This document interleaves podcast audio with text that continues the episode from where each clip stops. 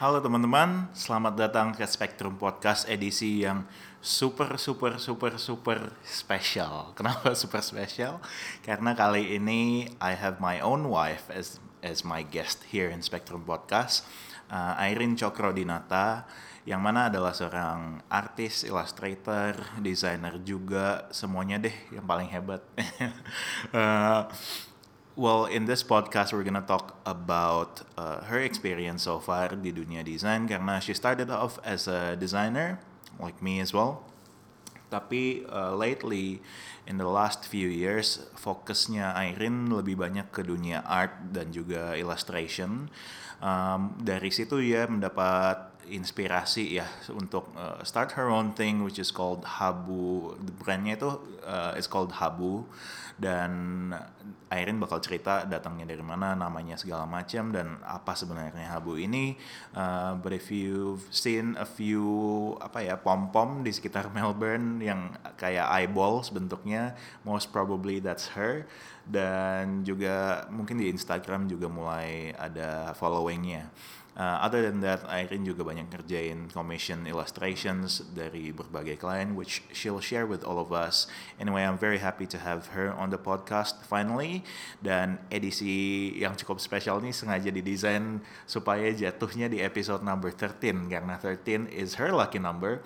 Uh, as a matter of fact, she is born on the 13th. Anyway, hopefully you guys enjoy it, and I'll see you soon. Halo teman-teman, welcome to Spectrum, a podcast about all things design for the Indonesian community in Melbourne. With your host, Alvin Hermanto. Kali ini kita kedatangan tamu yang luar biasa spesial sekali. Kenapa luar biasa spesial sekali? Karena Irene ini adalah istri saya sendiri dan um, mungkin sebelum kita get into the details of what you do and how you do it and what is it that you're trying to achieve, uh, mungkin uh, berikan sedikit background kepada pendengar yang belum kenal dengan uh, Irene. Uh, seorang Irene Cokrodinata itu um, asal muasalnya dari mana dan awal mula ketertarikan ke dunia kreatif atau desain itu dulu seperti apa sih? Um, halo semuanya, uh, namaku Irene Cokrodinata uh, asalku dari Jakarta, Indonesia, dan um, awal ketertarikan uh, dalam dunia desain. Soalnya aku dari masih kecil tuh suka banget yang namanya gambar. Sampai mama papaku tuh kayaknya udah had enough gitu, kayaknya udah um, mereka sempat ini sih sempat ngelarang gitu, aduh jangan gambar mulu lah gitu Hmm. Soalnya mereka juga dari background yang berbeda gitu dari dunia desain gitu. Mereka berdua tuh accountant. Hmm. Jadinya ya namanya um, Asian parents, mereka mungkin expect kalau anaknya tuh mungkin nggak nggak terlalu bergelut di dunia arts kayaknya. Sebenarnya kalau dilihat sekarang apa sih yang membuat um, mereka itu kurang mendukung gitu pada saat itu? Ya, mungkin karena keterbatasan, mungkin karena keterbatasan pengetahuan ya. Uh, mungkin uh, soalnya memang nggak ada uh, saudara-saudara mereka gitu, kakak atau adik mereka yang ambil jurusan arts gitu loh. Dan dulu kan desain itu kan kayak kurang begitu um, berkembang ya kalau misalnya dibanding sama saat ini gitu loh. Begitu banyak apa teknologi yang mendukung begitu banyak media yang bisa mengekspos um, kerjaan desain. Dan dulu ya keterbatasan pengetahuan juga sih dan um, ya mungkin karena tinggal di negara Asia juga gitu loh. Banyak kan uh, orang tua itu lebih cenderung mengarahkan anaknya tuh lebih ke akademik gitu. Jadi sebenarnya mungkin keterbatasan dari pengetahuan mereka aja kali ya waktu itu. Iya, mungkin seperti itu kali ya, karena mereka nggak tahu kerja apa sih gitu. Maksudnya kan kalau di Indonesia banyak kan kayak artis-artis ya sorry ya maksudnya uh, mungkin kita bisa banyak temuin karya-karyanya di kayak di pinggir jalan gitu mereka coba jual um, artworksnya gitu loh dan ya mungkin sehari belum juga tentu ada yang beli gitu loh jadi ya hmm. emang susah sih gitu loh hidup sebagai seorang artis gitu. Iya. Jadi waktu sekolah itu um, ya aku kan udah kenal banget nih sama kamu jadi sedikit aneh juga. Cuman Iya, deh kalau ya. sedikit cerita dulu nih, Iya. misalnya waktu ya, mulai dari SD, SMP gitu, SMA di sekolah itu memang lebih demennya itu ke hal-hal yang kreatif. uh, dalam artian mungkin ya seni rupa atau prakarya Iya, atau apa iya. gitu itu lebih menarik kali ya dulu Iya buat aku sih eh, lebih fun ya gitu loh aku bisa enjoy apa em, kayak menggambar atau eh, bikin painting atau mungkin kalau dulu SD ada namanya prakarya gitu loh kayak bikin art and craft gitu loh aku aku senang banget gitu loh jadi ya dan kalau misalnya aku juga bete kesel sedih gitu loh. Em, pasti uh, pelampiasan aku tuh ke gambar gitu loh. Dan itu yang that's the only things that uh, makes me happy aja sih gitu. Kalau zaman dulu itu gambarnya apa sih?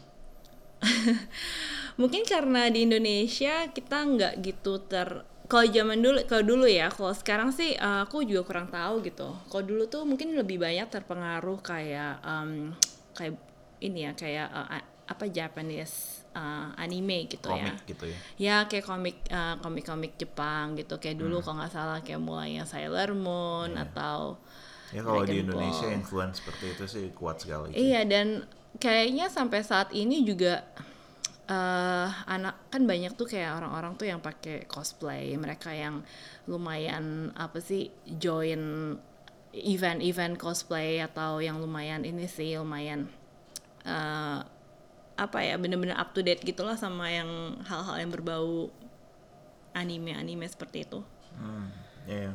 Em, jadi kan demennya gambar, demennya prakarya, kesenian gitu, loh. arts and craft, Eh, dan itu lead ke mana gitu pada akhirnya? Dalam hal, maksudnya setelah lulus SMA nih, keputusan untuk Oke. Pada akhirnya kamu ngambil sekolah desain pada saat itu itu gimana? Oke, jadi um, kayaknya walaupun mungkin orang tua aku tuh udah insist banget untuk aku ambil uh, mungkin bidang bisnis kali ya, soalnya mereka juga kan backgroundnya account accounting gitu. Tapi ya ya tetap nggak bisa lah gitu, maksudnya ya aku memang bersikeras sih memang mau uh, kuliah belajar desain gitu. Awalnya memang tertariknya lebih ke animation sih gitu. Aku pengen belajar kayak 3D animation gitu untuk Apakah ini masih tetap dengan influence-nya Japanese comic yang tadi? Uh, Atau mungkin not necessarily? eh ya not necessarily sih. Soalnya menurut aku ya ya nggak tahu ya. Mungkin dulu tuh kayak wah keren banget gitu loh. Kayak bisa bisa kerja buat Pixar atau uh, Disney gitu loh. Menurut aku that's, that's very cool gitu loh. Um, terus ya udah. Jadi uh, kit- aku ya aku desain aku ambil desain dan puji Tuhan uh, orang tuaku dua-duanya setuju.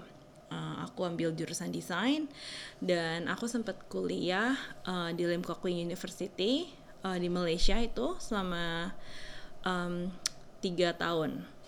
Tapi unfortunately mereka tuh nggak ada hmm, kayak jurusan uh, graphic design kayak atau communication design di sini ya. Tapi waktu itu emang udah maunya itu graphic design gitu. Instead of animation atau uh, 3 bikin 3D multimedia gitu. Nah itu juga sebenarnya oke sebenarnya orang tua itu juga sempet ini sih sempet tawar menawar sama orang tua aku gitu loh. Soalnya orang tuaku eh, kayaknya nggak condong aku ambil animation gitu. Soalnya balik lagi gitu loh eh, mau jadi apa loh gitu. Mestinya em, ya ambil aja mungkin em, major yang lebih umum gitu kayak graphic design gitu loh. Mungkin opportunity untuk mm, bekerjanya atau dapat pekerjaan itu lebih lebih besar daripada untuk jadi animator. Iya, jadi pengertiannya si mama papa waktu pada saat itu itu kalau graphic design itu mungkin lebih ada arah ke komersialnya kali ya. Iya, lebih ada peluangnya. Lebih ada peluang. Iya. Jadi misalnya kalaupun harus milih dari jurusan-jurusan desain yang ada, mungkin graphic design ini yang lebih Umum lah. ya lebih aman lah gitu. Iya, lebih aman. Hmm, iya iya iya.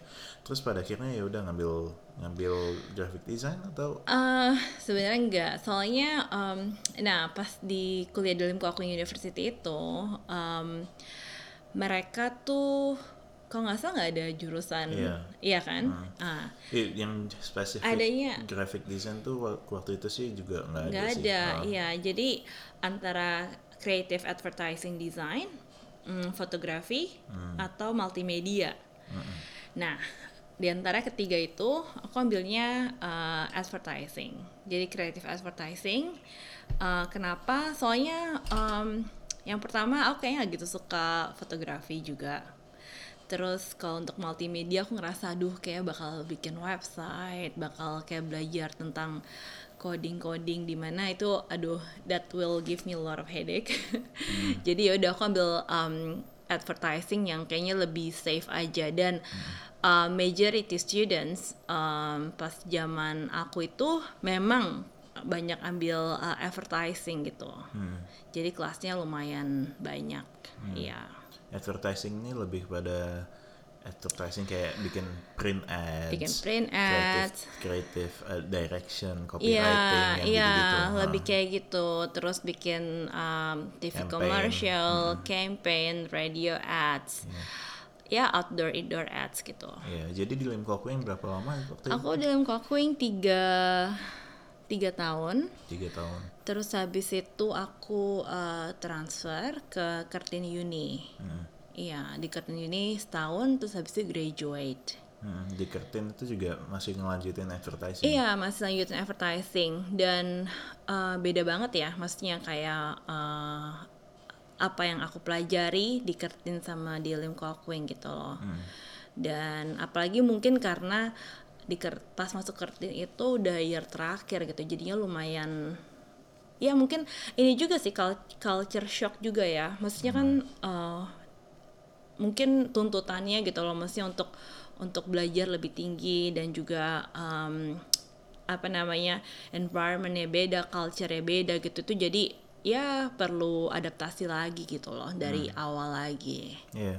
Jadi waktu masuk ke Kertin tuh kan um, lanjut nih advertising dan lulus segala macam ya pada akhirnya. Hmm. iya. Um, dan ngelihat kayak um, kamu yang sekarang nih Hmm. sebagai seorang illustrator atau kayak fokus kamu itu sekarang ini lebih illustrator Hmm. dan arts dan craftnya kamu which I think is the things that you like really really really really enjoy Yeah. the most Iya. Looking back gitu pada saat lagi di Lim Kwak Wing atau di Kertin lagi belajar di advertising gitu loh. Hmm, sebenarnya enjoy nggak sih pada saat itu? Um, pada saat itu aku karena advertising yang itu itu beda banget sama ya sebagai seorang illustrator gitu. Oh iya sih, kalau misalnya dibilang enjoy, eh aku sih biasa aja ya gitu loh, maksudnya. Tapi em, lumayan gimana ya? Sebenarnya lumayan fun juga sih, masih untuk kayak come up sama namanya advertising kan kita harus kadang untuk engage em, ke customer atau potential uh, customer itu kita kan harus come up sama idea yang yang unik gitu loh kadang untuk mengeksplor itu untuk get di apa the the, the final idea atau the final concept itu um, ini sih maksudnya itu lumayan buat aku lumayan uh, challenging tapi fun juga gitu loh jadi ya sorry tadi pertanyaannya apa jadi sebenarnya waktu Enjoy nggak? enjoy nggak Ya oke, M- ya aku sih lumayan enjoy sih, lumayan enjoy. Oke. Tapi aku ngerasa that's uh, that's not for me gitu. yeah it's not something that you'll do for the rest of your life No, ya. Oke, jadi di antara lulus tadi Hmm. dari creative advertising tadi dan melihat pengalaman-pengalaman kerja kamu selama Hmm. ini gitu, sa- that leading until today, Hmm. itu perubahannya itu seperti apa dan what makes you want to do what you're doing right now? Oke. Jadi Maksudnya secara ringkas aja lah kayak pengalaman kerja kan pernah jadi desainer gitu ya, ya. ya. Jadi ya terus terang uh, aku juga sempat kuliah di ini kan Swinburne Uni kan, ambil Master of Communication Design gitu.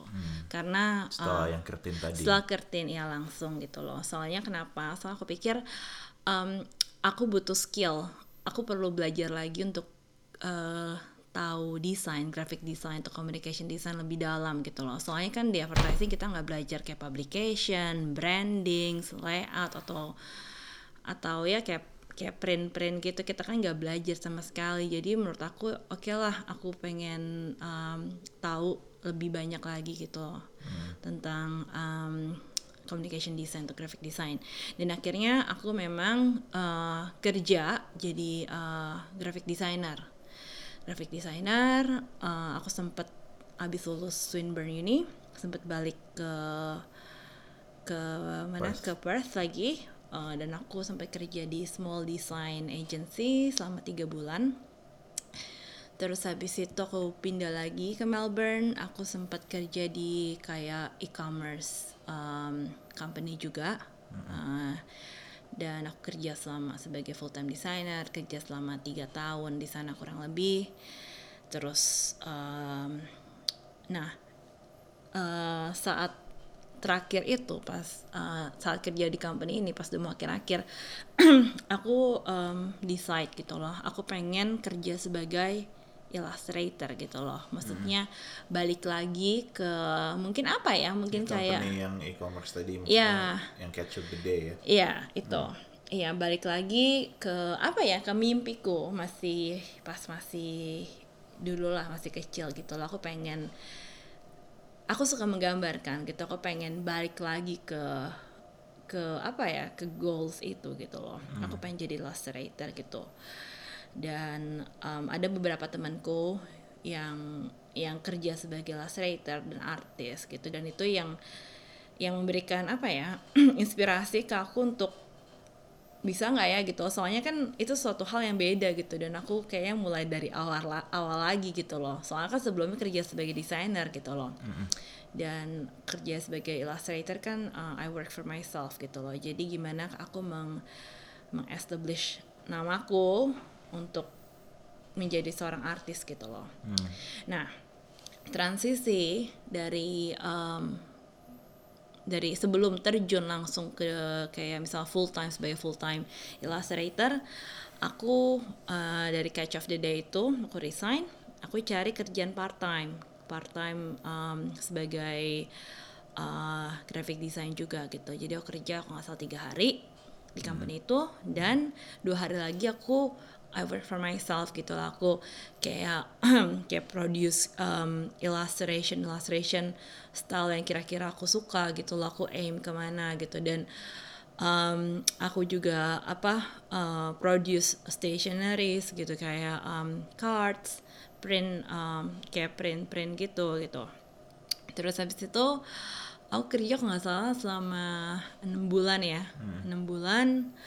Dan well I wasn't quite happy with my um, ex boss waktu itu. Jadi ya udahlah uh, aku uh, join relap Hmm, itu jadi kan buat ngasih konteks buat pendengar ya waktu itu akunya sendiri udah mulai relap Iya, itu udah mulai relap satu setengah tahun gitu satu setengah tahun Iya, gitu lah.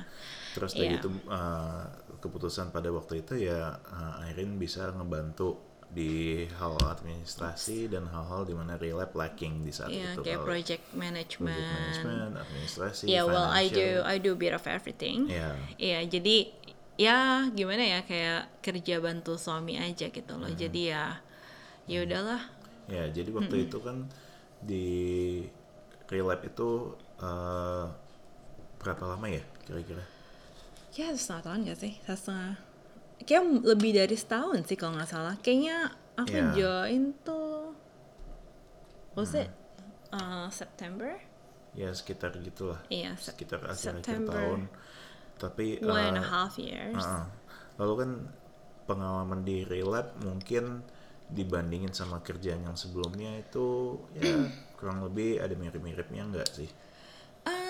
Kerjaan sebelumnya, maksudnya ASEAN yang enam bulan itu atau gimana? Ya Atau- yang sebelum masuk relap. Eh, jadi sebelum masuk relap tuh jadi gini aku kerja tuh kayak di um, IT support company. Dan mereka punya division division lain gitu. Dan aku kerja di di division uh, desain gitu kayak design department. Dan kebetulan aku um, sebenarnya ditunjuk kayak jadi head of design gitu. Jadi bukan cuma itu doang juga project manage ketemu clients. Jadinya dan aku juga um, punya asisten gitu. Kayak misalnya ya ada junior designer yang bantu aku juga gitu loh. Hmm. nah ya seperti itu gitu. Loh jadi yeah. di di relap sih um, lebih ke apa ya? Lebih ke project internal. iya lebih internal lah. Lebih ke project manage gitu. Make sure kalau misalnya apa um, internal team atau designers atau developers tuh uh, deliver uh, the projects uh, on time gitu loh. Yeah.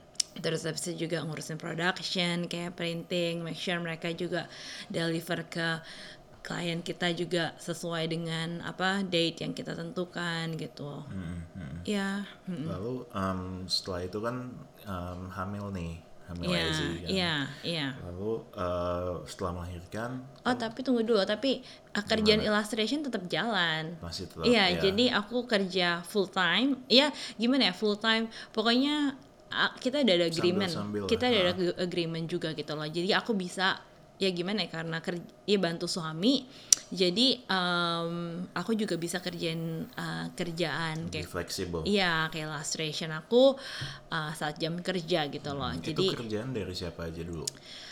Uh, banyak sih. ada magazines uh. ada magazines fashion magazines terus ada um, apa sih moms and babs magazine juga ada. Hmm. terus um, pernah dari kayak clubs dari di, dari kayak night club gitu pernah kayak hmm. bikin come up sama illustration character hmm. terus um, dari non profit organization kayak bikin uh, nursery rhyme book hmm.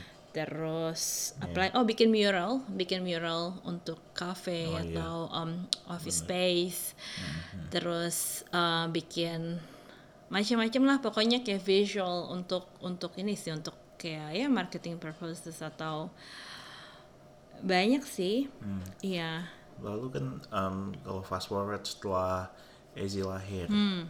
gimana bisa dan setelah itu kan akhirnya nggak balik kerja bantu yeah, rilap dan nggak yeah. juga yeah. kerja yang di tempat lain. Yeah. Di situlah baru setelah mungkin setahun Ezi lahir, hmm. that's where you try to establish yourself lagi, yes, leading yes. to where we are yeah, today gitu. Yeah, yeah. Keputusan untuk ngelakuin itu itu gimana? Jadi sebenarnya aku udah rencanain sih dari sebelum uh, apa namanya sebelum ya pas lagi hamil uh, aku tuh udah punya plan gitu hmm. uh, soalnya kan ya jelas kan maksudnya um, abis hamil aku pengen setelah melahirkan aku pengen fokus ke ngurus ngurus babyku gitu ngurus babyku dan babynya kita. Eh baby sorry babynya kita ya. Dan dan um, otomatis kan aku nggak aku nggak bisa punya banyak fokus gitu loh. Hmm. dan maksudnya kalau di relap kan apa you have to work there gitu kan. You have to work from the office gitu ya. Dan susah banget kalau misalnya kayak kerja kayak um, apa ya kayak dari dari rumah gitu rada susah sih gitu dan maksudnya nggak bisa fokus aja jadi ya udah aku decide aku bakalan fokus ngurus anak dan fokus um, uh, sama karir ilas illustrationku ini gitu loh hmm.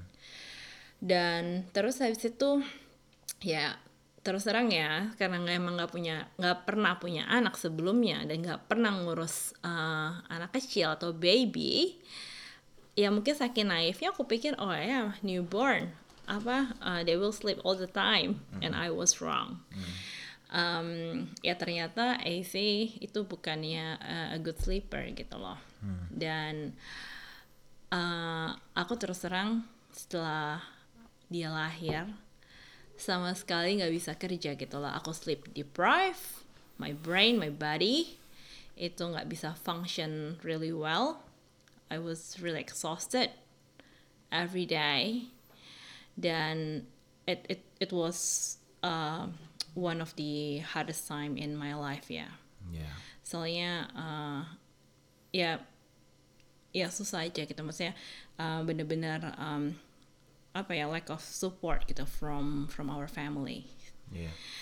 Ya jadi oh, dan setahun setahun pertama setelah Izzy lahir itu memang susah banget lah. susah banget gitu Kitanya, maksudnya dan secara emosional juga kita memang lagi susah banget waktu itu. susah banget untuk dan adaptasi dengan benar, role baru ini. benar benar dan dan mungkin karena apa ya I, I I work before gitu loh mesti aku cukup aktif kayak kerja and I love um, what I do gitu loh I love what I do Uh, dan aku senang aku senang kerja gitu basically aku senang kerja. Dan tiba-tiba harus apa ya transition tinggal di rumah jadi stay at home mom itu lumayan frustrating sih buat aku gitu loh. Maksudnya aku jadi kayak feel uh, with lots of pressure gitu loh. Iya. dan oke aku kena postnatal depression. Oke dan terus habis itu kayaknya aku kehilangan momentum untuk apa ya untuk kayak produce works nih ada ada masa-masa kayak gitu gitu loh. Soalnya aku makin gimana ya mungkin feel depressed. Udah stop juga. Iya dan aku stop bener-bener stop literally stop. Dan terus habis itu um, kayaknya kalau nggak salah uh, pelarianku itu kayak lihat YouTube atau gimana. Dan one day uh, temanku pernah post sesuatu gitu loh bikin something out of kayak bikin rock out of pom poms dan menurut aku is apa lucu banget gitu cute banget gitu loh. And I want to learn gitu loh. Terus ya udah jadi aku kayak nonton uh, nonton kayak pom pom tutorials kayak di apa video tutorials di di YouTube gitu loh. Uh, kayak apa di DIY Iya, dan menurut aku fun banget gitu loh. Jadi uh, mungkin Jadi mulai- pelarian mulai eksperimen eksperimen Iya, iya. Jadi situ. pelarian aku tuh lebih ke craft ya. Hmm. Iya. Dan itu lumayan gimana ya? Kayaknya em, ngebuat pom-pom buat aku pribadi lumayan syuting juga gitu. Maksudnya ya something fun gitu loh, something different gitu loh. Sesuatu yang berbeda dari eh, menggambar. Gambar. Iya. Jadi kalau misalnya uh, nanti kita get back to proses uh, membentuknya habu ini yang nanti kita bicarain, which is your pom pom, Iya. the, the new business dan the experiment Iya. around your pom pom arts.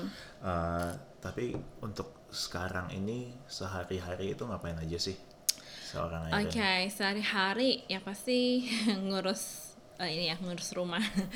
Sebenarnya jadi ya dibilang stay at home mom, iya juga stay at home mom. Um, tapi itu dia sehari-hari aku um, aku masih kerjain, aku balik lagi eh, menggambar. Jadi seorang illustrator atau artis atau desainer.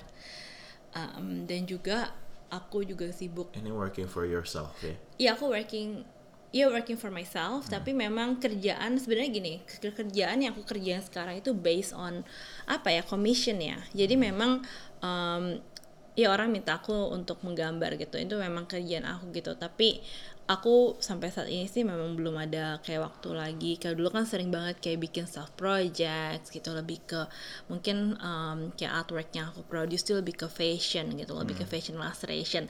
Tapi kalau misalnya kalian lihat Instagram aku um, kayak artwork yang aku post Yang itu lebih F- vary deh.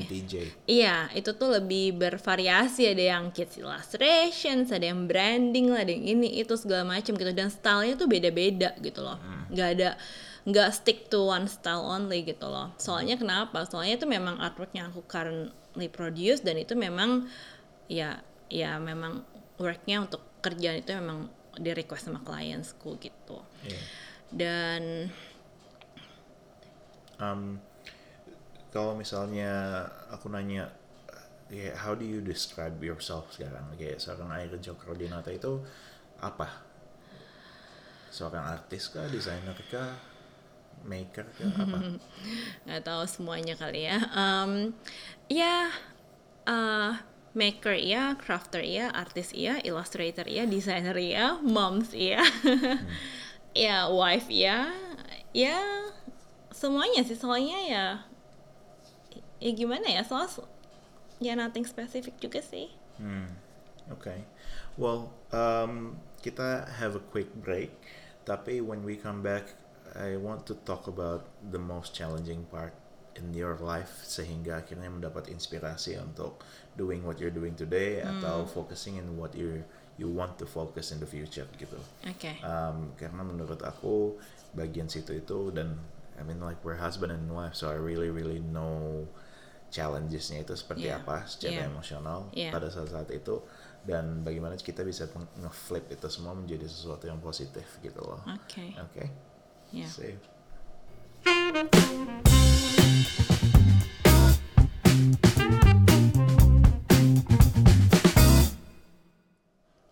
Speaking about challenges nih, um, you've mentioned before kan uh, about the postnatal depression and all Yeah. that stuff. And Iya.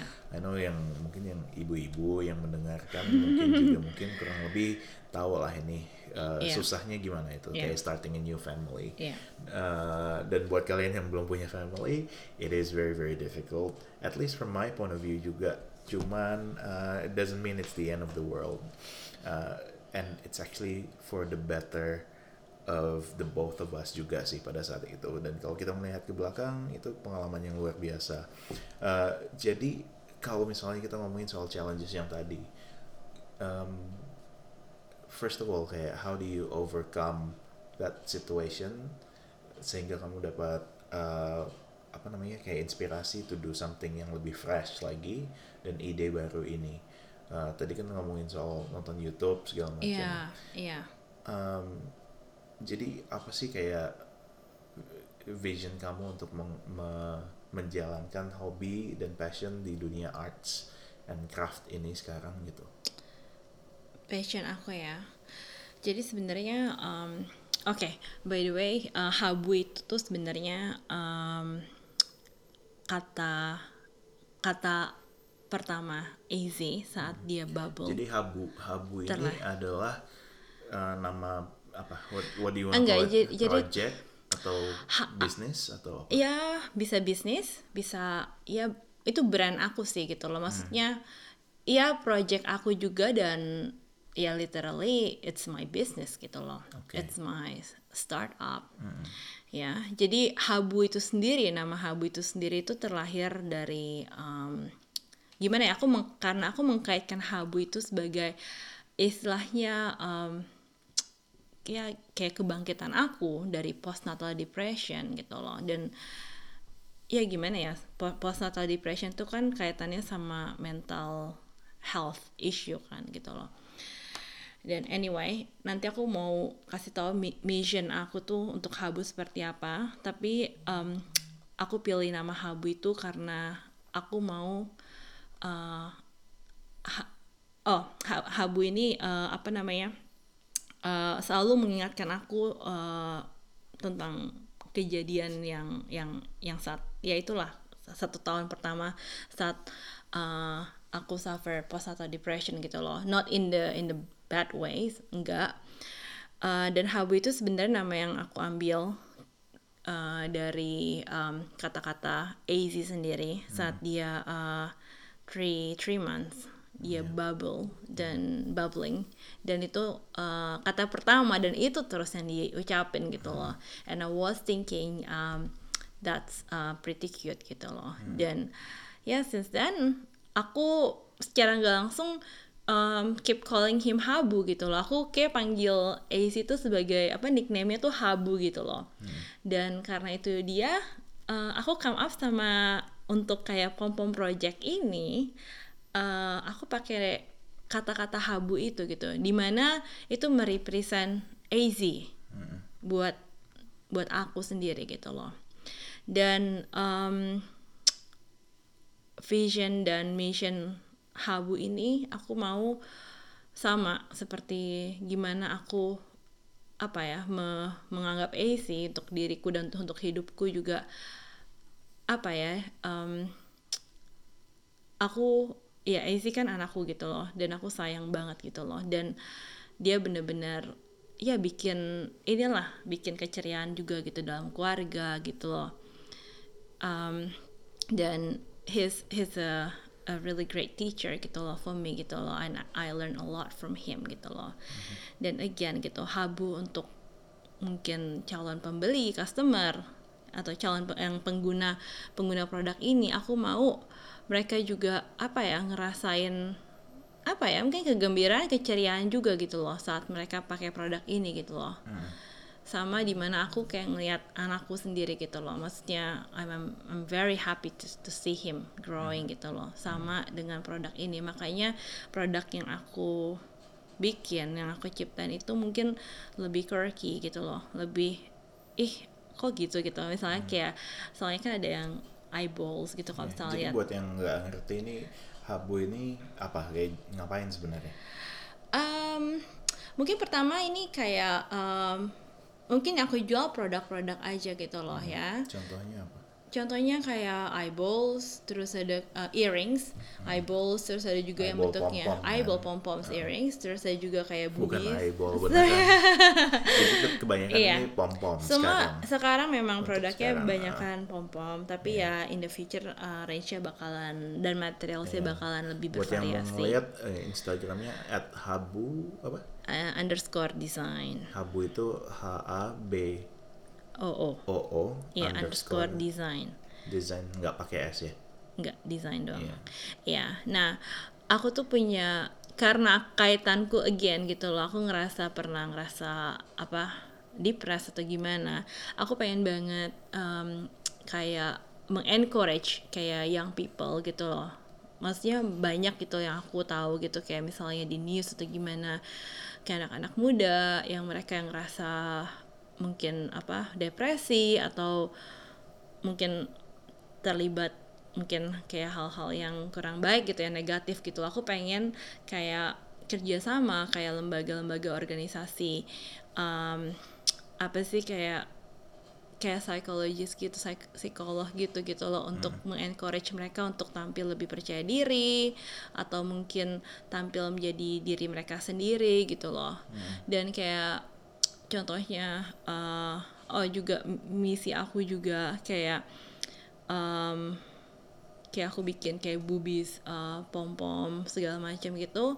Aku pengen the future tuh bisa kerja sama sama kayak um, uh, breast cancer foundation atau gimana gitu loh untuk lebih mengencourage Ya ini loh untuk charity juga gitu loh. Jadi bukannya untuk sekedar oh ya desain desain untuk fun doang untuk orang beli, tapi nggak juga sih gitu. Aku pengen lebih um, bisa uh, berkegiatan sosial juga gitu loh. Maksudnya aku mau bring bring this to to the community gitu, bring this back to the community juga gitu loh. Hmm. Udah berapa lama eh, Habunya ini? Uh, sebenarnya baru sih baru beberapa bulan uh, launch kalau nggak salah March ya, March atau April kalau So salah. far gimana tanggapan-tanggapannya? Uh, positif, uh, I mean, ya. you've sold a few juga kan? Iya iya iya surprisingly um, ya aku bisa bilang 80 to 90% orang ini sih maksudnya um, komen ini sebagai hal yang positif gitu loh. They they they love it, they like it gitu loh. Dan ya ini sih um, lumayan bikin aku happy banget gitu loh. Iya. Iya tahu kalau misalnya ini ada good potential untuk untuk ke depannya gitu bisa dikembangkan. Hmm, jadi so far kan udah ada, maksudnya ada yang beli melalui Etsy. Iya. Dan juga kalau misalnya kita jalan-jalan tuh kan juga sering banget tuh Iya. kayak orang-orang kayak, oh, lumayan ma- catch attention juga Iya. gitu loh dan ya udah ada stokis juga sih gitu loh yang mau stok barang ini gitu jadi ya ya tinggal dikembangin aja sih Iya. ya So far so good. Jadi untuk membangun Habu ini kan you have the mission and all of that and it all sounds beautiful. Iya. Tapi as we all know kayak starting something new kayak gini kan itu ya it's not easy lah like Iya, everything else gitu. iya, loh. iya. Walaupun you believe in it so much, cuman it's not that easy. Jadi for you dan buat pendengar juga yang pengen tahu nih karena banyak Hmm. kan yang pengen do something like this atau pengen apa ya um, promote their art a bit more atau Yeah. make a little bit more money with their art. Yeah. Cuman it's just so difficult. Iya. Um, untuk kamu sendiri mungkin sharing kayak hal apa yang kamu lakuin buat uh, to sustain yourself gitu loh on top of trying to build Habu at the same time. Um, um, untuk saat ini sih ya, um, social media tuh powerful banget ya, Uh, terutama Instagram. Soalnya kenapa? Soalnya kayak people tuh uh, lumayan visual banget gitu loh. Dan begitu banyak kayak influencer gitu loh, ada content creator gitu loh. And um, it's a good source gitu loh if you if you can really use it gitu loh untuk promote uh, kayak produk kamu brand kamu gitu desain kamu gitu loh dan begitu banyak kayak platform-platform kayak contohnya mungkin Etsy atau mungkin kalau misalnya untuk kayak desain-desain gitu kayak Behance atau kayak yang uh, Australian punya tuh uh, namanya The Loop mm-hmm. itu bisa apa sih bisa banget taruh kayak portfolio di sana gitu loh untuk mm. untuk coba promote uh, kerjaan kalian gitu loh, kerjaan kita gitu loh soalnya um, in, in in the past aku banyak dapet kayak um, clients clients itu ya dari The Loop dari Behance Behance terus dari apa lagi ya? Uh, ini client illustration maksudnya kalau client illustration. atau, iya hmm. client illustration desain juga gitu loh. Dari Instagram gitu loh. Maksudnya dari Facebook gitu loh. Jadi Twitter jadi banyak. Kayak klienku tuh ya dari mana-mana sih sebenarnya gitu loh. Maksudnya hmm. yang oh ya notice apa kerjaan aku dan they love it gitu loh. Um, mereka bayar, bakalan inquire gitu loh. Jadi um, tadi pertanyaan kalau misalnya sekarang lagi mencoba membangun hmm, usaha hmm, baru hmm, yang hmm, seperti Habu ini hmm, hmm. cara untuk kayak making money lagi itu adalah kayak melalui kerjaan-kerjaan illustration yang tadi gitu dan desain gitu. Itu lebih realistis ya untuk making money sehari-hari. Itu lebih lebih cepat gitu untuk sekarang. Oke, okay, jadi sekarang ini kan oke, okay, aku fokus ke dua hal kan. Jadi oke okay, aku ada dua fokus. Uh, aku anggap ya kerjaan freelanceku itu ya bisnisku juga itu that, that's my small business hmm. dan Habu itu that's my startup ya yeah, that's another business gitu loh dan aku jalanin dua-duanya at the same time dan I am the only one who who runs um, the show dan um, jadi uh, untuk saat ini kalau misalnya ditanya apa yang lebih making more money atau kasih lebih memberikan income uh, illustration dan design gitu loh. Ya soalnya uh, ya aku punya ongoing clients juga gitu loh. Dan atau mungkin ada clients yang one off one off gitu dan itu lebih making more gitu loh. Dan Habu uh, itu ya berjalan SSI go gitu maksudnya kalau memang ada apa namanya ada waktu aku balik lagi ke Habu gitu jadi aku benar-benar switch dari satu hal ke hal lain hmm. gitu aku lumayan juggling dari satu one thing to another thing gitu hmm. tapi kalau ditanya di antara kedua itu yang lebih mau difokusin untuk masa depannya tahu nggak kira-kira? Um, aku sebenarnya pengen lebih ke habu sih gitu loh. Aku pengen lebih fokus ke habu. Hmm. Uh, soalnya menurut aku uh, untuk potensi ke depannya jauh lebih jauh lebih lebih apa ya lebih menjanjikan aja gitu loh untuk ngembangin brandnya dan produknya ngembangin bra gitu. brandnya produknya dan apa namanya aku juga ya punya um, punya plan yang lebih jauh untuk untuk ini gitu kira-kira bisa ke mana-mana aja gitu soalnya again gitu memang mungkin sekarang fokusnya cuman kayak aksesoris gitu kan lebih hmm. earrings hmm. dan materialsnya cuman yarn gitu loh hmm. tapi um, in the future aku bakalan mix sama material lain gitu untuk create something yang berbeda gitu dan aku literally I want to move to fashion gitu I want to move to fashion industry gitu loh dan kayak produce kayak textile design clothing gitu loh hmm. iya hmm. kayak gitu oke okay. um, jadi sekarang kan kalau ngerjain habu itu di rumah aja kan yeah. dan ngerjain illustration juga di rumah jadi yeah. you're basically working from home yeah. uh, pr pretty much di saat Easy lagi childcare yeah. ya kan uh, dan gimana ya kayak I guess my question will be working from home sekian lama gitu sekian lama semenjak Easy udah lahir gitu hmm. gitu sampai sekarang maksudnya uh, belum kembali ke kantor gitu yeah. atau belum kembali ke yeah. dunia kerja bersama dengan yeah. orang lain segala yeah. macam itu susah nggak sih kerja di rumah gitu or do you actually enjoy it gitu? Um, gimana ya sebenarnya tuh aku tuh tipe orang yang demen ketemu orang gitu loh jadi lumayan draining juga ya maksudnya tiap hari kerja dari rumah gitu loh hmm. dan um, well the thing is I really have no choice gitu loh yang hmm. pertama uh, childcare-nya AC um, lumayan deket sama rumah gitu loh. Dan kalau misalnya aku harus misalnya hire studio gitu loh kan banyak kan studio-studio desain itu kan kayak daerah city gitu kan. Dan itu tuh lumayan jauh dari rumah gitu loh. Aku sih pikiran uh, ya mungkin save time di transport juga gitu loh. Kalau misalnya ada apa-apa sama si AC dia demam atau gimana orang calket telepon I have to be there um, apa ya soon gitu loh. Dan kalau misalnya aku hmm, studio di city lumayan jauh gitu. Menurut aku nggak convenient aja sih gitu loh. Hmm. untuk saat ini ya. Tapi in the future sih aku kepikiran pengen pengen juga punya studio sendiri gitu. Jadi aku bisa share mungkin share room atau share space sama other artist gitu loh. Hmm. atau atau ya lihatlah bagaimana perkembangannya gitu. Oke. Okay.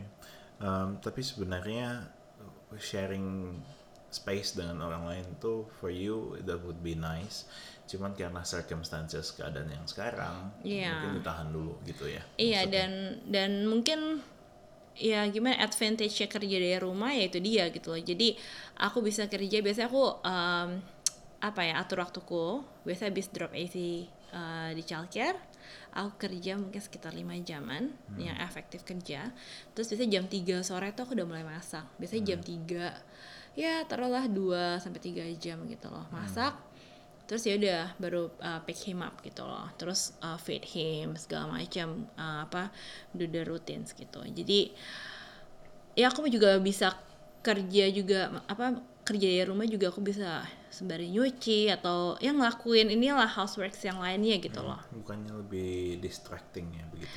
Sebenarnya. Itu dia gitu, distracting iya gitu. Tapi ya mau gimana gitu loh. Maksudnya I think I am pretty lucky gitu loh to be able to do what I love gitu loh hmm. at this stage dan menurut aku responsibility aku juga sebagai seorang apa ya mom and wife juga gitu untuk look after the house gitu. Hmm. Okay. Jadi ya. Jadi ya you're trying to balance all of that juga yeah. gitu. Iya. Yeah. Karena you still feel kayak ada sense of responsibility, responsibility yeah. that oh I'm, I'm a mom and I'm a wife, yeah, so yeah. I need to do at least do a few things gitu. Iya yeah, iya yeah. jadi ya ya menurut aku sih ya saat ini cukup ya ideal lah walaupun mungkin nggak ada apa ya situasi yang perfect perfect banget gitu loh hmm. nggak gitu And tapi ya change, I mean like it changes so much maksudnya AC baru umur dua gitu sekarang yeah. kan cuman kalau kita ngeliat kayak setahun yang lalu dan setahun yang lalunya lagi yeah, it's yeah. just such a different world gitu yeah, loh semuanya yeah. hmm. dan nggak tahu nanti tahun depan lagi saat AC umur tiga yeah, well, beda know. lagi yes yes okay, jadi on a daily basis, what what keeps you motivated as a person? Um, you. Iya. oh. Enggak, bener sih. Maksudnya gimana ya? Soalnya uh, terus terang sih, uh, ya aku nggak tahu ya. Maksudnya husband and wife lainnya tuh gimana gitu. Tapi hmm. uh, dalam keluarga kita gitu. Maksudnya ya kita ini ya kita pasti ngomongin soal bisnis gitu loh. Dan maksudnya enggak beneran. Dengan lihat relap itu grow gitu loh. Maksudnya develop sampai sekarang gitu loh. Soalnya ya I I know gitu loh. Maksudnya di ups and downs gitu. I I really know gitu loh. Dan uh, kita uh, go through things together gitu loh. Saat hmm. relap susah ya emang susah banget hidup kita gitu loh. Dan ya kita juga sering kan kayak dulu kayak kerja um, Sabtu juga kerja gitu loh. Yeah. Minggu biasanya sebelum balik kerja, masuk kerja Seninnya, Minggu tuh aku udah nyiapin schedule. Oke, okay, hari Senin ngapain sih? Apa deadline? Apa ngapain-ngapain aja yang perlu deliver. Itu sih gitu. And um, aku ngerasa ya uh, apa ya maksudnya kerja keras itu memang ini sih maksudnya memang membuahkan hasil ya hmm. maksudnya seperti itu gitu loh hmm. um, dan aku ngelihat perkembangan real lab dari zero sampai sekarang ini luar biasa sih dan itu yang memberikan motivasi terbesar gitu loh hmm. untuk aku gitu loh dan menurut aku nggak ada sesuatu yang impossible gitu loh hmm I'm, I'm sure I'm able to to do this gitu loh jadi yeah. ya itu dia gitu loh yeah. Iya. Um, I'm very glad to hear that. um, tapi maksud aku ya kita kan dulu itu the thing the thing that I feel gimana ya kayak I feel you deserve to be doing what you love itu sebenarnya kayak salah satu ya ucapan terima kasihnya aku juga gitu loh. Dan menurut aku itu relap ya zaman dulu se- sebelum kamu sempat bantuin segala macam. I mean like the first one two yearsnya Hmm. relap itu it's just so so difficult gitu loh. Iya, And iya. like we know like we're so tight. Hmm, Maybe kayak nggak ada orang yang gitu ngerti. hmm. Cuma kayak we're so tight gitu Iya, loh pada iya. saat itu. Iya. Nah, jadi perubahan itu terjadi aku percaya karena kita berdua ngomong dan kita berdua make Iya. some decisions Iya. dan kita juga bekerja sama. dan dan situasi seperti sekarang ini ini sebenarnya sesuatu yang udah kita bicarain ya maksudnya maksudnya dengan aku kayak kerja dari rumah gitu aku bisa fokus ke ke freelanceku gitu atau do whatever I want to do itu juga sesuatu yang udah kita kita plan gitu kita plan dan Tuhan yang apa ya yang yang merestui kali ya, yang maksudnya yang make uh, this thing happen gitu loh, for us gitu loh. Iya. Jadi ya ya ya puji Tuhan lah gitu. Ya kita bersyukur banget sih. I'm very uh, grateful and thankful gitu. Iya. Um, uh, ini waktu we're we're running we're running low on time, so I'm gonna go to a few other questions to wrap this up. Ya. Um, bagi kamu saya ada nggak kayak tips-tips masukan buat um, mungkin orang-orang yang demen di dunia arts uh, and really want to make it gitu tapi nggak yakin gitu kayak cara masuknya itu gimana supaya bisa hidup gitu loh. As simple as that supaya bisa hidup dan ya, artsnya bisa di appreciate and uh, and can make some money at least gitu ada nggak Oke. I mean like these are things that I know ya you're trying to work it out yourself Okay, juga. Cuman okay, so far iya. pengalaman apa yang bisa dibagi? Jadi sebenarnya gini, kalau buat aku ya sebagai seorang ya illustrator atau artis ya, um, antara kamu, kalau aku antara kamu punya style yang bener-bener bold dan itu apa sih bener-bener membedakan kamu sama artis lainnya atau illustrator lainnya, atau uh, kalau aku mungkin saat ini kayak kerja tuh sebagai oh untuk artis at- untuk sorry untuk artis atau illustrator yang seperti itu yang punya style-style tertentu mereka cukup idealis umumnya ya kan? Mereka cuma cukup idealis dan mereka cuma mau kerjain ya mungkin um, uh, kayak project-project yang yang sesuai dengan artnya dia gitu atau mungkin mereka milih bahkan gitu loh. Ah gue mau yang ini gue mau yang kayak gitu gitu loh. Kan ada yang kayak gitu. Iya.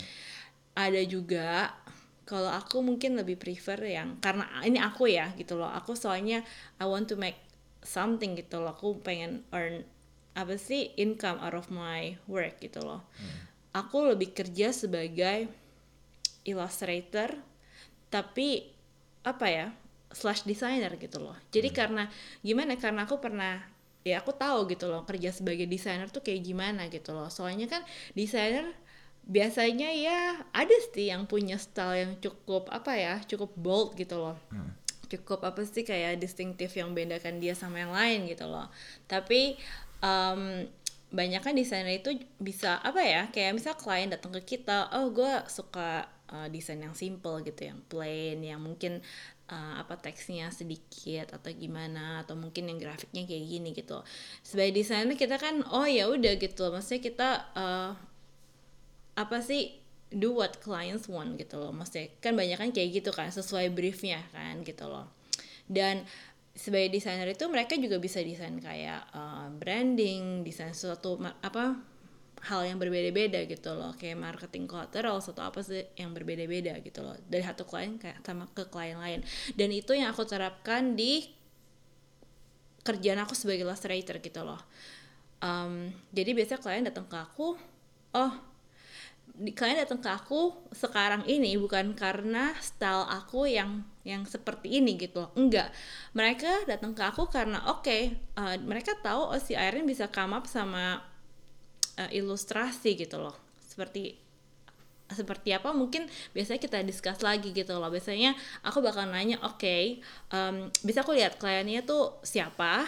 Dan mereka butuh ilustrasi atau visual yang kayak gimana? gitu loh.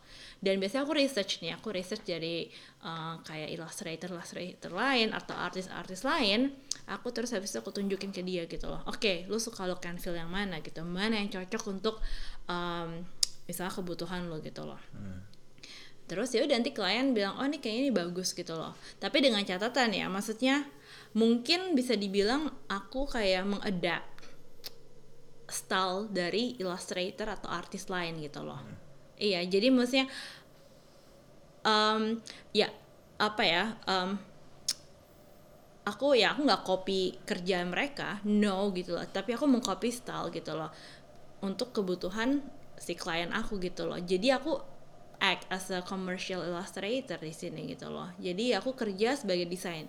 Gimana ya mungkin uh, dengan apa ya prinsip sebagai desainer gitu. Yeah. iya tapi ya dengan catatan uh, kita harus ya bisa gambar gitu loh. Bisa hmm. bisa ngerti gimana cara ini ya analyze style masing-masing style apa ya um, artis atau illustrator gitu loh. Analyze terus kita adapt. Ya sih kayak gitu gitu loh. Dan itu mungkin lebih bisa uh, memberikan income gitu loh. Hmm. soalnya aku find out gitu loh uh, illustrator illustrator atau artis-artis dengan style yang cukup kuat mungkin uh, satu period gitu saat lagi tren atau lagi cukup banyak demand mereka banyak kepake mereka banyak kepake gitu loh. Mungkin untuk satu tahun dua tahun atau tiga tahun gitu loh.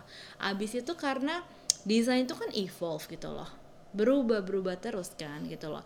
Nanti abis itu misalnya oke okay, tren itu udah lewat ada tren baru lagi muncul gitu loh. Hmm. artis yang tadinya mungkin sempet banyak dapet job tiba-tiba bisa jadi jobless gitu loh soalnya hmm. kenapa style dia udah out of date gitu loh udah hmm. nggak hmm. kepake lagi gitu loh yeah. mau gimana gitu loh yeah. kan susah gitu mereka bakalan struggle juga gitu untuk untuk earn income gitu hmm.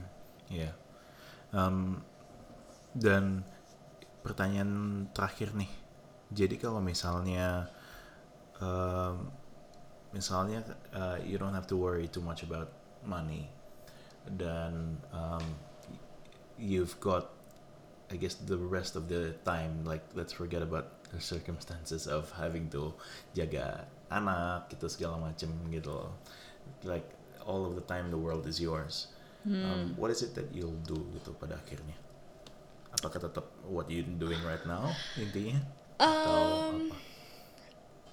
gimana ya? Aku terus terang pengen banget kayak create kayak installation installation gitu loh. Hmm. untuk exhibition gitu. Soalnya to be honest aku kayaknya aku nggak pernah punya my own exhibition gitu loh. Dan ya kalau misalnya aku punya waktu yang unlimited dan aku bisa do what I what I want to do maksudnya dengan mengesampingkan semuanya aku bakal fokus ke situ sih gitu hmm. loh aku pengen tapi tetap di dunia art sih tetap di dunia art sih maksudnya aku bakalan produce something gitu loh maksudnya aku bakal learn new things dan aku produce something di mana orang-orang bisa bisa enjoy juga sih kayak hmm. ya kayak bisa kita ke art gallery kita ngeliat kayak kerjaan-kerjaan artis lain atau illustrator lain hmm. ya mereka bisa ya nikmatin gitu oke okay. well uh, that's all the time that we've got. Thanks so much for your time, Sai. Dan untuk uh, bagi pendengar yang pengen ngeliat Habu, dan juga kerjaan-kerjanya Airin nanti kita bagi-bagi linknya atau tadi juga mungkin kalian udah sempet lihat uh, untuk habunya sendiri bisa dibeli di Etsy. Etsy. I think kalau ke Instagram ada linknya yeah, kali ya. Yeah. Uh, buat illustration juga bisa langsung direct message Airin aja. Yeah. Uh, nanti kita list down links dan contact details di description di bawah uh, podcast ini. Anyway, thanks so much for listening guys. Hopefully that's good. It's definitely good for me uh, aneh rasanya ngomong dengan istri sendiri yeah. cuman you know what uh, semuanya nggak di stage kok jadi lumayan natural yeah. juga rasanya yeah. Yeah. well um, that's it that's what we've got for this episode and I'll see you in the next one